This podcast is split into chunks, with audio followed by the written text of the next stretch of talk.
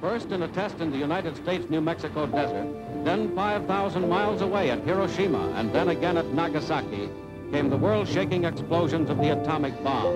I remembered the line from the Hindu scripture, the Bhagavad Gita, and says, Now I am become death, the destroyer of worlds. I suppose we all thought that, one way or another. There can be no peace in the world until the military power of Japan is destroyed. Varmt välkommen tillbaka till Researching Peace. Den här säsongen har verkligen sprungit iväg och vi närmar oss redan julen. Jag har hunnit med att ha flera spännande gäster här i studion den här säsongen och även gjort ett avsnitt på engelska. Något som var väldigt uppskattat hos er lyssnare så det ska vi absolut fortsätta att göra vid tillfällen även under nästa år. Men idag har jag en alldeles särskild gäst här i studion. En person som driver, och lyssna noga nu, världens största databas för konflikter, nämligen Uppsala Conflict Data Program, mer känt under förkortningen UCDP. Han driver också en av forskningsgrupperna på Alva Myrdal Centrum och inte minst så har han spenderat en hel del tid i ubåtar. Varmt välkommen hit, universitetslektor Magnus Öberg. Tack ska du ha. Jättekul att du är här. Tack för att du vill komma. Ja, det var kul att vara med. Vi ska ju bland annat då prata om varför man ska samla in så mycket siffror och data om konflikter och också vad ni gör i er forskningsgrupp här på Alva Myrdal Centrum. Men innan vi kommer in på det så vill jag förstås då klart prata om de här ubåtarna. vad, kan du berätta, börja med, vad är det för koppling som du har till flottan?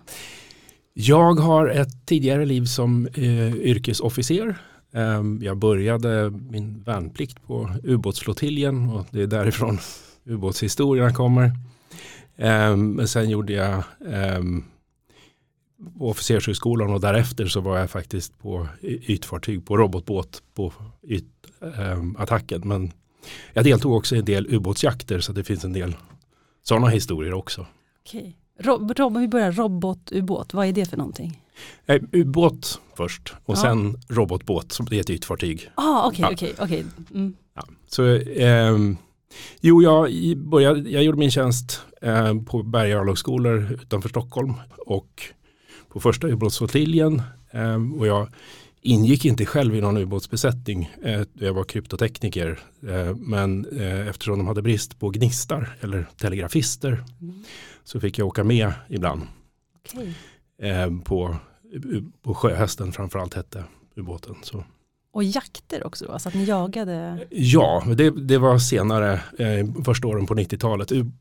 Ubåtsflottiljen var sista åren under kalla kriget, så 88, före 88. Mm. Så jag ryckte in 86, eh, muckade 88. Okay. Och vad, vad gjorde man då? Vad gjorde ni? När ni... Ja, alltså eh, ubåtarna, det var ju på den tiden så var, pågick det fortfarande Warszawapaktsövningar um, och stora landstigningsövningar. Den här övningen som de haft nu senare också som heter Zapad som ryssarna har. Där de övar landstigning. Då var det i Polen och det här var ju dessutom um, under en tid efter uh, solidaritetsrörelsen i Polen och sånt där. Så att det var, nu hade det visserligen släppt det värsta av den andra vågen av kalla kriget efter 86 så lugnade det ner sig lite. Mm. Men, men det var för pågick fortfarande. Så det var liksom en katt och råtta-lek ute på och under havet. Just det. Till, jag är ju född 84 ja. så att jag var ju väldigt liten när de här, de här åren. Men till och med jag vet ju att det här är en sån här tid. Det har tagits upp i typ filmer ja. som Sällskapsresan och så här att man skojar om det här. Men det var också på allvar verkligen eller? Ja det var det. Ja. det, var det. Um, så att det var mycket, mycket att försöka inte bli eh, sedd själv men se och höra, framförallt höra på ubåt. Eh, vad de andra håller på med. Vad hittade ni då? Eh. Eller vad, hände det något exceptionellt där nere i vattnet? Ja, man lyssnar, ubåtarna lyssnar på vad som händer i havet runt omkring och vad, hur de i det här fallet Warszawapakten agerar när de övar sina landstigningsföretag och hur deras eskortfartyg rör sig och hur mm hur de jagar ubåtar och sådär. Mm. Var, det, var det kul eller läskigt eller var du rädd eller vad hade du för, hur kändes allt det här? Nej, det var ju, han var ju, man, i den åldern så har man liksom ingen, ingen uppfattning om, om fara på det viset. Det är ju bara, det är bara liksom indianer och cowboys fast på riktigt. Ja. Eh, och hur gick det till sen då när du svängde om från yrkesofficer till forskare? Anledningen till det var väl egentligen att kalla kriget tog slut. Ehm, Sovjetunionen löstes upp och Berlinmuren försvann. Ehm, och jag hade varit ute och rest en del eh, både i eh, öst och väst innan och sett muren och varit i, i genom Östtyskland och Tjeckoslovakien och um, en del andra öststater innan muren föll. Och så, så det var en ganska dramatisk eh, händelse och det blev dessutom ett antal konflikter runt om i, i Baltikum var det nära ett tag eh, och sen blev det ju på eh, Balkan i, när Jugoslavien föll samman i Kaukasus eh, och sådär. Och jag började då intressera mig för vad är det, vad är det som händer, varför händer det? Um, och så, så jag blev nyfiken på det. Uh, och tänkte väl från början egentligen att jag kanske skulle bli underrättelseofficer. Men, så att jag tog tjänstledigt för att läsa. Och började läsa statskunskap men hamnade sen på freds och konfliktforskning. Och sen tänkte jag att jag skulle bli diplomat. Mm. Ett tag. Och det här var ju då eh, i samband med, med eh, kriget i Bosnien och medlingen där, där ja, bland annat, vad heter han? Carl Bildt. Carl Bildt var med, mm. precis. Mm. Eh, uppdrag fredboken man ser framför sig när han sitter i en ja, helikopter ja, med lurar. Precis, och ja. så. Så, att, så att jag tänkte att det där verkar ju vara intressant. Så jag, eh, så jag studerade freds och konfliktforskning och sen fick jag ett Fulbright-stipendium och åkte till USA och läste på någonting som heter The Fletcher School of Law and Diplomacy på Tufts i två år, en master. Och därifrån, um, och så jobbade jag en sommar på Jimmy Carters, alltså president mm. Carters. Uh, han har uh, ett presidentbibliotek men där har han också ett antal organisationer. Varav en jobbar med medling och konfliktlösning så där jobbade jag då en, en sommar och skrev.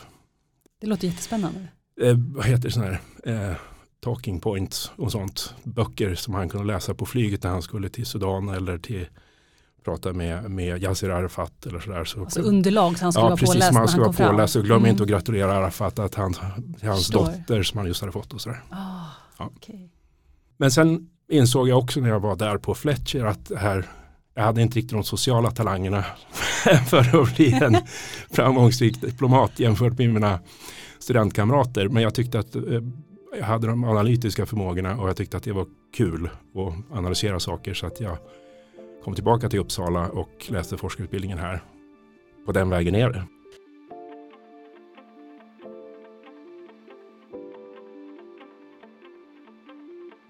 Jag nämnde ju i inledningen att du driver Uppsala Conflict Data Program. Kan du förklara för de som lyssnar då, vad är det här för någonting? Ja, det är en kartläggning av organiserat väpnat våld i världen. Så att vi börj det började i slutet på 70-talet. Eh, då fanns det nämligen ingen som kartlade vilka krig som pågick i världen varje år. Så att ingen visste, inte ens fredsforskarna visste hur många väpnade konflikter det fanns i världen ett givet år. Det, låter ju, det kan man ju svårt att förstå nästan. Ja, men, men så att då började Peder Wallensten och några till här att kartlägga det. Och det växte så småningom ut till större datainsamlingsprojekt som eh, idag omfattar ett drygt dussin personer. Eh, och vi kartlägger både det som traditionella krig mellan stater och inbördeskrig men också våld, organiserat väpnat våld mellan andra grupper, mellan rebellgrupper och mellan etniska grupper och mellan knarkkarteller. Eh, och, så, och sen slutligen den tredje kategorin är eh, våld mot civila. Så det är stater eller andra organiserade grupper, rebellgrupper och sånt som så det är massakrer och folkmord och sånt. Och det gör vi ner till den enskilda händelsen som vi då också placerar geografiskt. Så att det kallar vi det för eventdata, alltså händelsedata. Så den här händelsen inträffar där någon rebellgrupp slåss mot regeringstrupper på den här platsen den här tiden och så här många människor dör i striderna ehm, och så. Och varför är det så viktigt att samla in den här typen av statistik och data kring konflikter?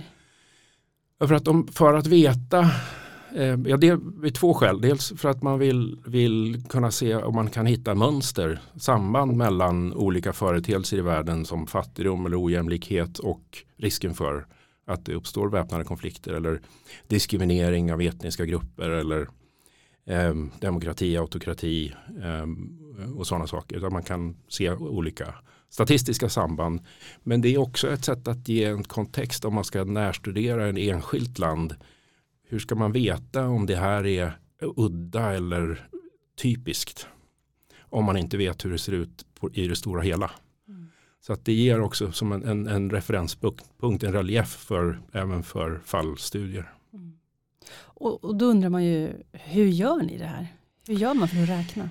Um, vi gör det genom att konsultera en, en faslig massa källor eh, och den eh, ungefär 70% av alla händelser som vi lägger in i vår databas kommer från nyhetskällor.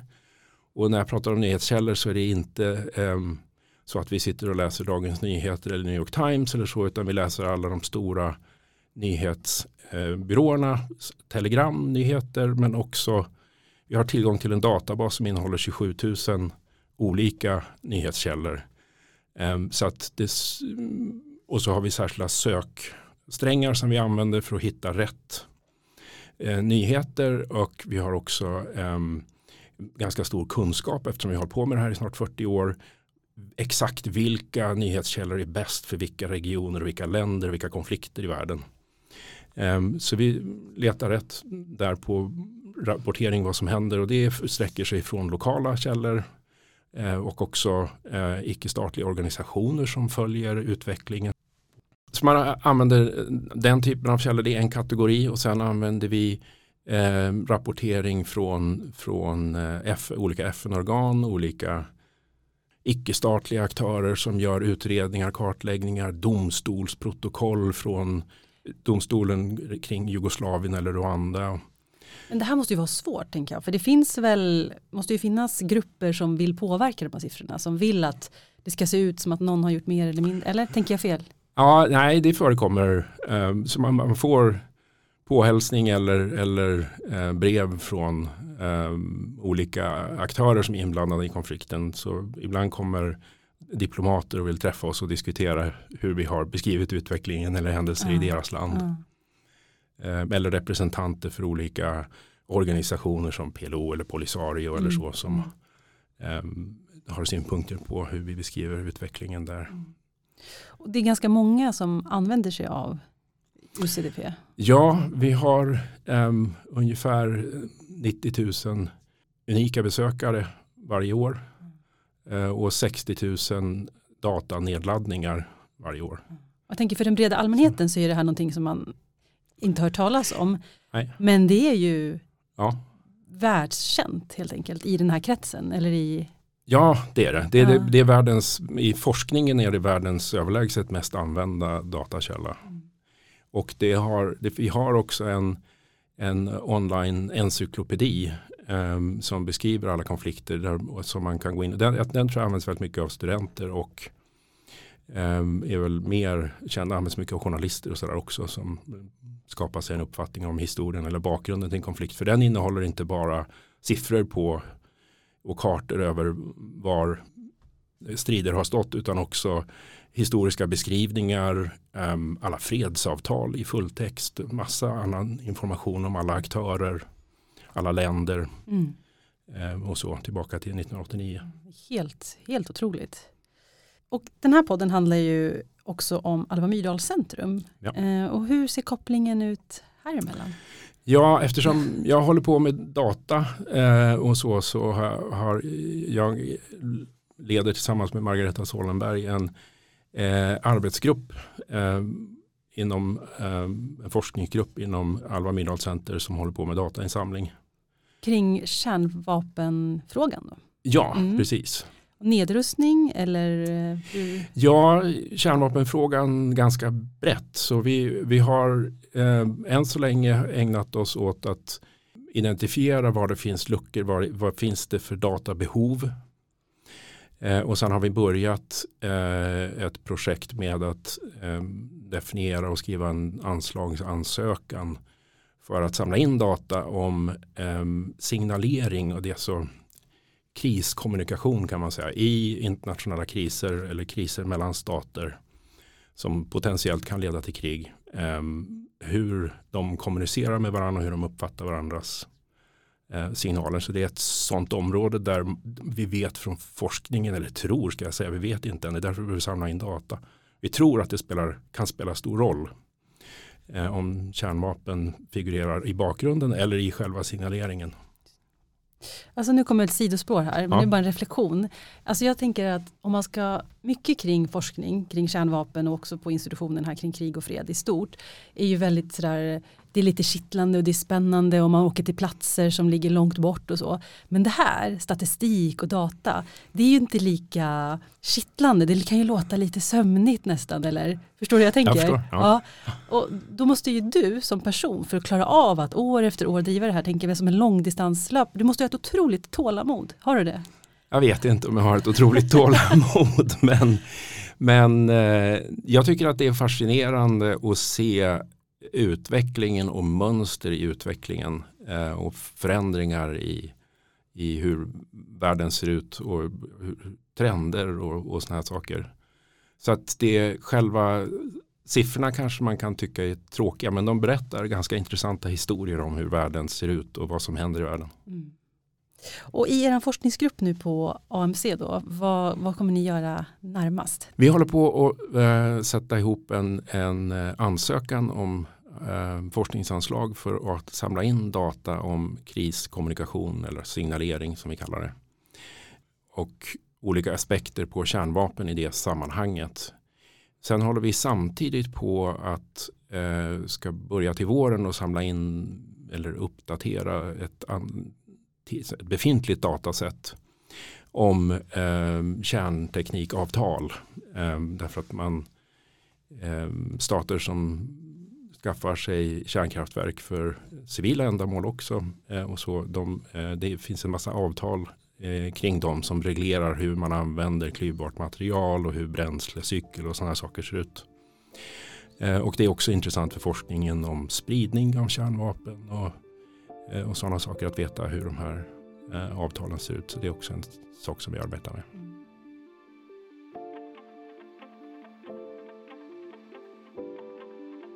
Jag vet ju att du också har forskat om krigets orsaker. Ja. Är det rätt? Ja. Ja. Mm. Eh, då tänker jag om vi blickar ut mot världen lite och om man lägger ihop då din kunskap med det här krigets orsaker och så all statistik och så som du har arbetat med i många år. Eh, om vi tittar då mot Ryssland och Ukraina, kunde du utifrån din bakgrundskunskap se att den konflikten och det kriget var på väg? Alltså, eh, var jag överraskad? Ja. Jag hade inte förväntat mig ehm, eh, att det skulle ske någon fullskalig invasion av det slag som sen skedde. Eh, men det var väl egentligen, alltså de började ju mobilisera trupper längs gränserna eh, redan under sensommaren eh, 2021. Eh, och jag tror att, att det kan ha varit en vecka, tio dagar innan invasionen så, så, så var jag övertygad om att någonting skulle ske därför att de hade då eh, blodbanker och fältsjukhus på plats som de inte hade haft tidigare. Och det tog jag som en signal om att, att det här var på allvar. Att det här inte bara var ett sätt att skrämmas eller hota för att uppnå någonting i några förhandlingar utan att det här var faktiskt eh, på väg att bli eh, blodigt på riktigt. Nu korkad fråga här då, men alltså om, om du och kanske andra forskare och personer som besitter all den här kunskapen kunde se det, hade inte samvärlden världen kunnat kliva in och stoppa det här på något sätt? Ja, det är just det är väldigt svårt att, att övertyga eftersom det är potentiellt farligt och kostsamt så är det svårt att övertyga eh, om man till exempel från NATO hade sagt två, tre veckor innan. Jag gissar att de drog ungefär de slutsatser som jag drog tio dagar innan fast förmodligen tidigare för att de har bättre information än vad jag har.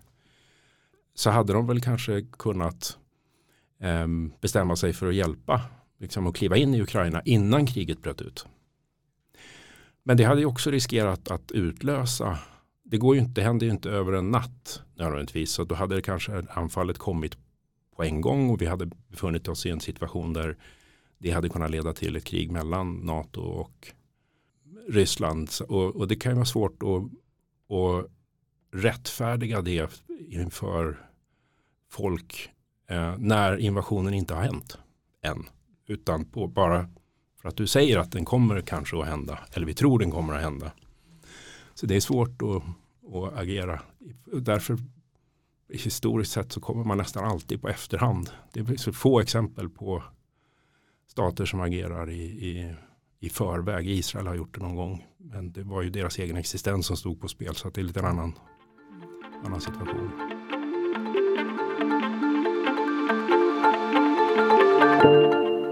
Avslutningsvis då, om vi kommer tillbaka till eh, UCDP och konfliktdatabasen. Då. Eh, den har ju som du nämnde funnits i 40 år. Om vi blickar framåt, på vilket sätt tror du att databasen kommer att utvecklas de nästkommande 40 åren? Jag har, min förhoppning är att vi kan få eh, ännu bättre och mer detaljerade data och på fler aspekter av konflikter, inte bara på eh, striderna som vi har nu. Har vi, vi har ett antal databaser också om hur, hur de slutar och om förhandlingsprocesser och vi har som sagt dat data på fredsavtalen och sådär. Men, men att vi får mer nyanserade data eh, och eh, det sker en revolution i dataproduktion i världen på alla möjliga områden just nu. Så att jag tror att vi kommer få väldigt mycket mer nytta av de här data framöver. På 40 års sikt så hoppas jag också att, att eh, man ska kunna använda eh, artificiell intelligens och maskinkoda eh, data eh, för att det är ett väldigt arbetsintensivt eh, projekt att samla in de här data. Eh, men i dagsläget vi har försökt i samarbete med olika AI-forskare att eh, och vi är på väg att försöka i ett, en omgång till här nästa år. Ehm, men det, idag, i dagsläget så tror jag inte AI eh, klarar av att samla in data ehm, på den nivå vi behöver dem. Ehm, men, men det är min förhoppning att vi kan i framtiden. Magnus Öberg, tusen tack för att du var med i Researching Peace. Tack för att ni var med. Tack också till Mert John Gilmas som är vår tekniker och som klippt det här avsnittet. Den här podcasten produceras av Institutionen för freds och konfliktforskning vid Uppsala universitet i samarbete med Alva Myrdal Center. Du som lyssnar kan alltid nå oss på info.pcr.uu.se. Stort tack för att ni har varit med oss.